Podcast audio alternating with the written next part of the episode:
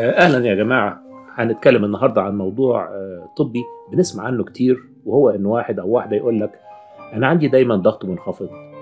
لما تسأله بتاخد أدوية تنزل الضغط؟ يقول لك لا. لكن دايما الدكاترة يقولوا لي ضغطك منخفض. أحيانا يقول لك آه، أنا في ناس نصحوني أزود الملح في الأكل أو باخد وصفات بلدي طب إيه هو تعريف الضغط المنخفض؟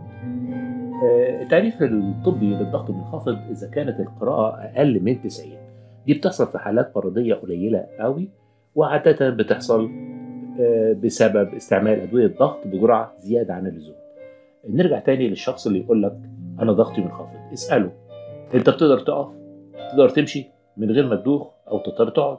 إذا كان رده أيوه يبقى لازم نطمنه إن ده طبيعي. مش بس كده ده المفروض نبارك له على إن ضغطه بالشكل. الأرقام بتاعه نتيجة قياس الضغط دي مجرد عشان تساعد الدكتور يتابع العلاج بتاع العيان ويعدل علاجه مش بس آه، رقم ثابت.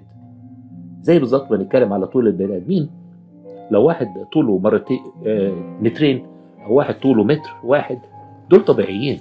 أيوه مختلفين لكن طبيعيين. يبقى الخلاصة هنقول أحسن ضغط توصل له هو أقل رقم.